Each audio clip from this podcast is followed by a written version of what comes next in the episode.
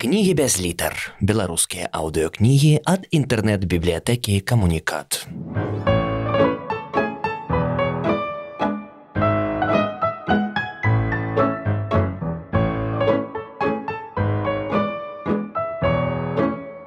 Олесь Пашкевич. Рух. Раздел третий. Каліноўскі ўзышоў на шыбеніцу ў 25 гадоў, ягоны цяперашні ўзрост. Згадка аб тым неяк упершыню настолькі моцна ўзварушыла адамавы пачуцці, што, не зважаючы на позні час, ён доўга не мог заснуць. Ціха зачыніўся ў бацькавым кабінеце, пабольшыў святла, аккуратно расклаў на старым дубовым столе папки с документами, адозвамі, листами, газетными выразками. Вось шарэлы, падобны на ўлётку сцяг свабоды. Упэўненыя ў сваіх сілах, падтрыманыя дзейсным прызнаннем краю па загадзе цэнтральнай улады народа, мы ўзнялі наш сцяг над атрадам працаўнікоў Беларусі. Адам прачытаў у голас і ў які ўжо раз падзівіўся мяккай звонкасці мовы сваіх бацькоў. Яго ўжо з гадоў шасці пачалі вучыць ёй, а затым прыйшла і польская і расійская, акрамя натуральна французскай мог гаварыць і па-нямецку, але па сцежцы гуманітарыя не пайшоў. Гэта барацьба святая, чытаў далей Адам. Яна за цэласнасць распаласаваных земляў, за ўласнасць абяздоленых у сваёй айчыне сыноў, Дык да зброі, да зброі верныя сыны сваёй зямлі, на ворага кожны, хто не здрадзіў сумленню. На апошні бой племя герояў заклікае неадпомшчаная кроў, свабодная будучыня, шчаслівае заўтра. Тое шчаслівае заўтра, як ужо ведаў Адам, так і не надышло. Усё закончылася паразай, шыбеніцамі, сібірскай катаргай ці выгнаннем. Ён спрабаваў сабе ўявіць, што ж адбывалася ў тым невядомым краі паміж бугам і нёманам, і ў рамантычных мроях вымалёўваліся відзежы парыскай камуны. Яму было тады сем гадоў, але все на дзіва ярко памятаецца. Вусач вайсковец дядька Ярослаў з зіходкай шабляй і такімі ж іскрыстымі вачыма. Яны падоўгу зачыняліся з бацькам і аб нечым сваім гаварылі, а хлапчук не мог нагуляцца з пакінутым яму пісталетам. Дядька Ярослаў, давно я не наведваў твою магілку, Падумаў Адам і перахрысціўся. Здавалася, маладому жыццю не будзе сканчэння, Тады, калі іхняй піцерскай пяцёрцы Віктару і Канстанціну Каліноўскім, Ярославу Дамброўскаму, Ігнату Здановічу і Казіміру Мацкевічу было, як казаў бацька, на чупрыну больш за двадцать. І ўсіх чатырох, чые фотокарткі вісяць над столом, няма на гэтым турботным свеце. Віктора гісторыка палеографа забралі сухоты, яго малодшага брата Констанціна царская шыбеніца. У дядзькі Ярослава таксама склаўся раманны і кароткі лёс. Пасля заканчэння мікалаеўскай акадэміі генштаба шляхціц дамброўскі распрацаваў план узброенага паўстання, быў арыштаваны і трапіў турму, адкуль у 64 збег і разам з жонкай эміграваў за мяжу, спыніўся ў Францыі і стаў генералам парыскай камуны. Падчас аднаго з баёў плячо разарвала куля, і праз дзве гадзіны ў парыскім шпіталі лары буазьер яго зямное жыццё закончылася. Калі аднойчы Адам паспрабаваў параўнаць падзеі таго паўстання з парыскай камунай, бацька не пагадзіўся. Там, Ён паказаў вачыма на чатыры фотаздымкі сваіх таварышаў. Была барацьба найперш за свой родавы гонар і свабоду.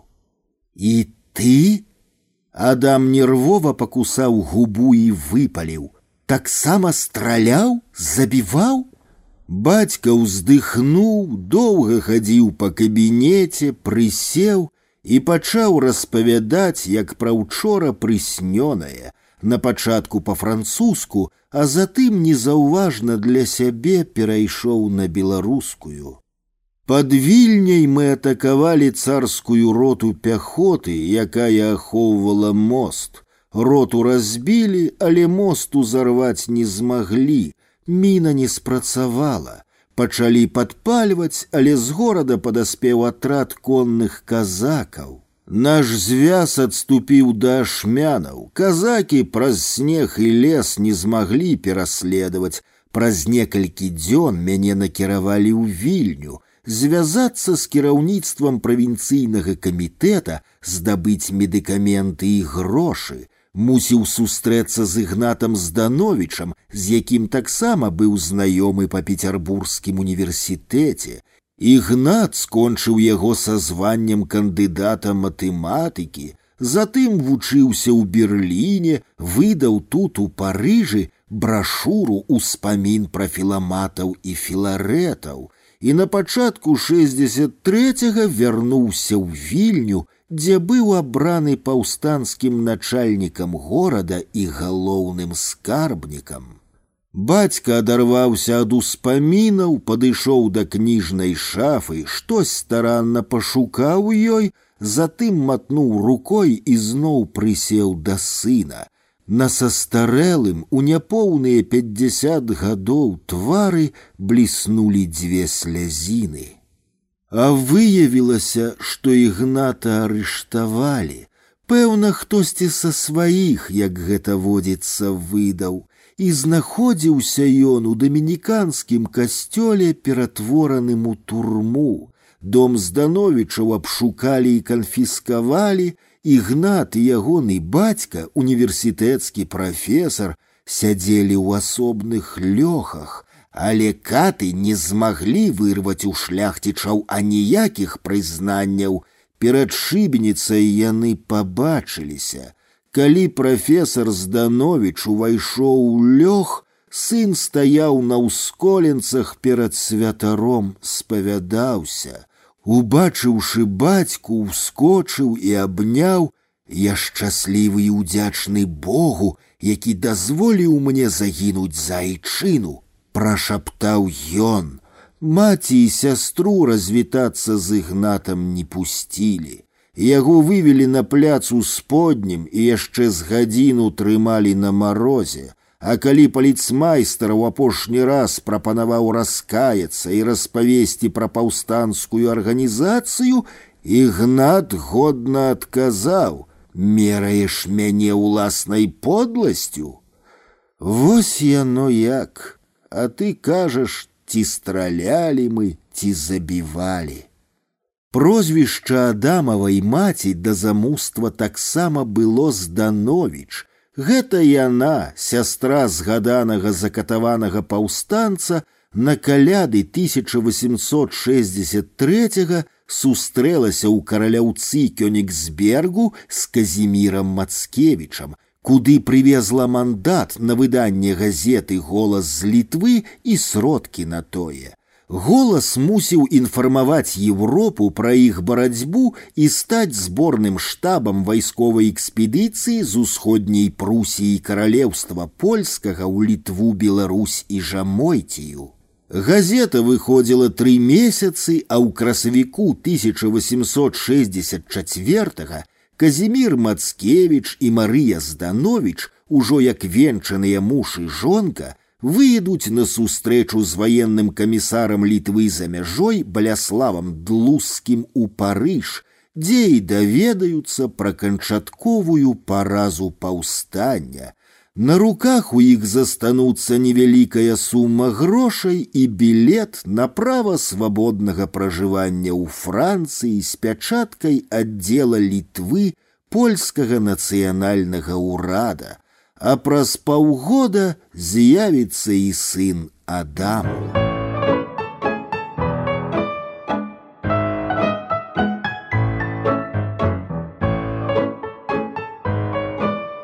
Ён разгарнуў новую папку якраз з адбіткамі голасу з літвы і пачаў нетаропка чытаць прыкамечаныя пажаўцелыя памеру звычайных улётак старонкі.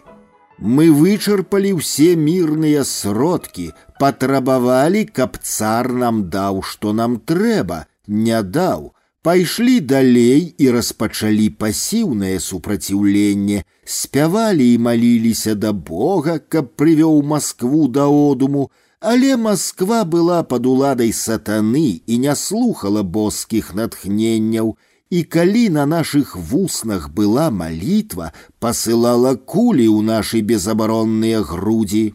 Век девятнаццаты вялікі плёнамі, з хіжага дэспатызму пачалі праяўляцца правы чалавека, спачатку паасобку, а потым аб'ядналіся ў хор, які выйшаў з Францыі і дайшоў да Масквы.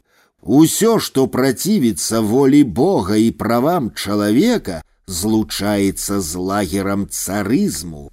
З кожнай старонкай для Адама зноў адкрываўся таямнічы свет, свет яго бацькі, свет яго маці, свет іх далёкіх невядомых продкаў, тое, што здавалася хоць і міфічнай атлантыдай, але падсвядома пульсавала ў ягонай ліцвінскай крыві. Ап'янёны з гукамі мінулага і супакоены імі, ён і заснуў над тымі газетамі. І было яму ў той час соладка, шчасліва і цёпла. У нядаўна купленым на нядзельным кірмашы сінім шведары, якія толькі пачалі прыжывацца ў Францыі, і які нагадваў яму той, ужо даўно малы і зношаны, звязаны на шатландскі ўзор мамай. Незадоўга перад адыходам яе ў свет лепшы.